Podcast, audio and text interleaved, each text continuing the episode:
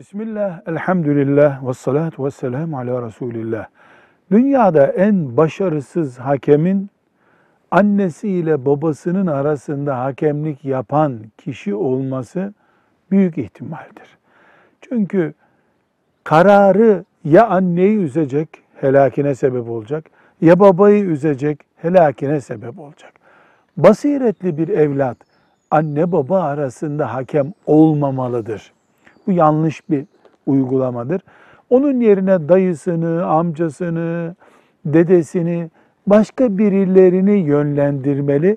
Direkt kendisi bu kavgada, anne baba arasındaki tartışmada hakem veya savcı rolü almamalıdır.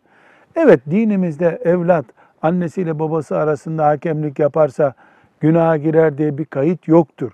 Ama ortada bir psikolojik, sosyolojik bir gerçek vardır ki anne de baba da evladı yüzde yüz yanında destekçisi görmek ister. Anne baba arasında hakem olmak ya onları geçiştirip kavgayı biraz daha derinleştirmek olur ya da hakkı ortaya koymak olur. Hakkı ortaya koyduğunda da evlat kaybeder. Velhamdülillahi Rabbil Alemin.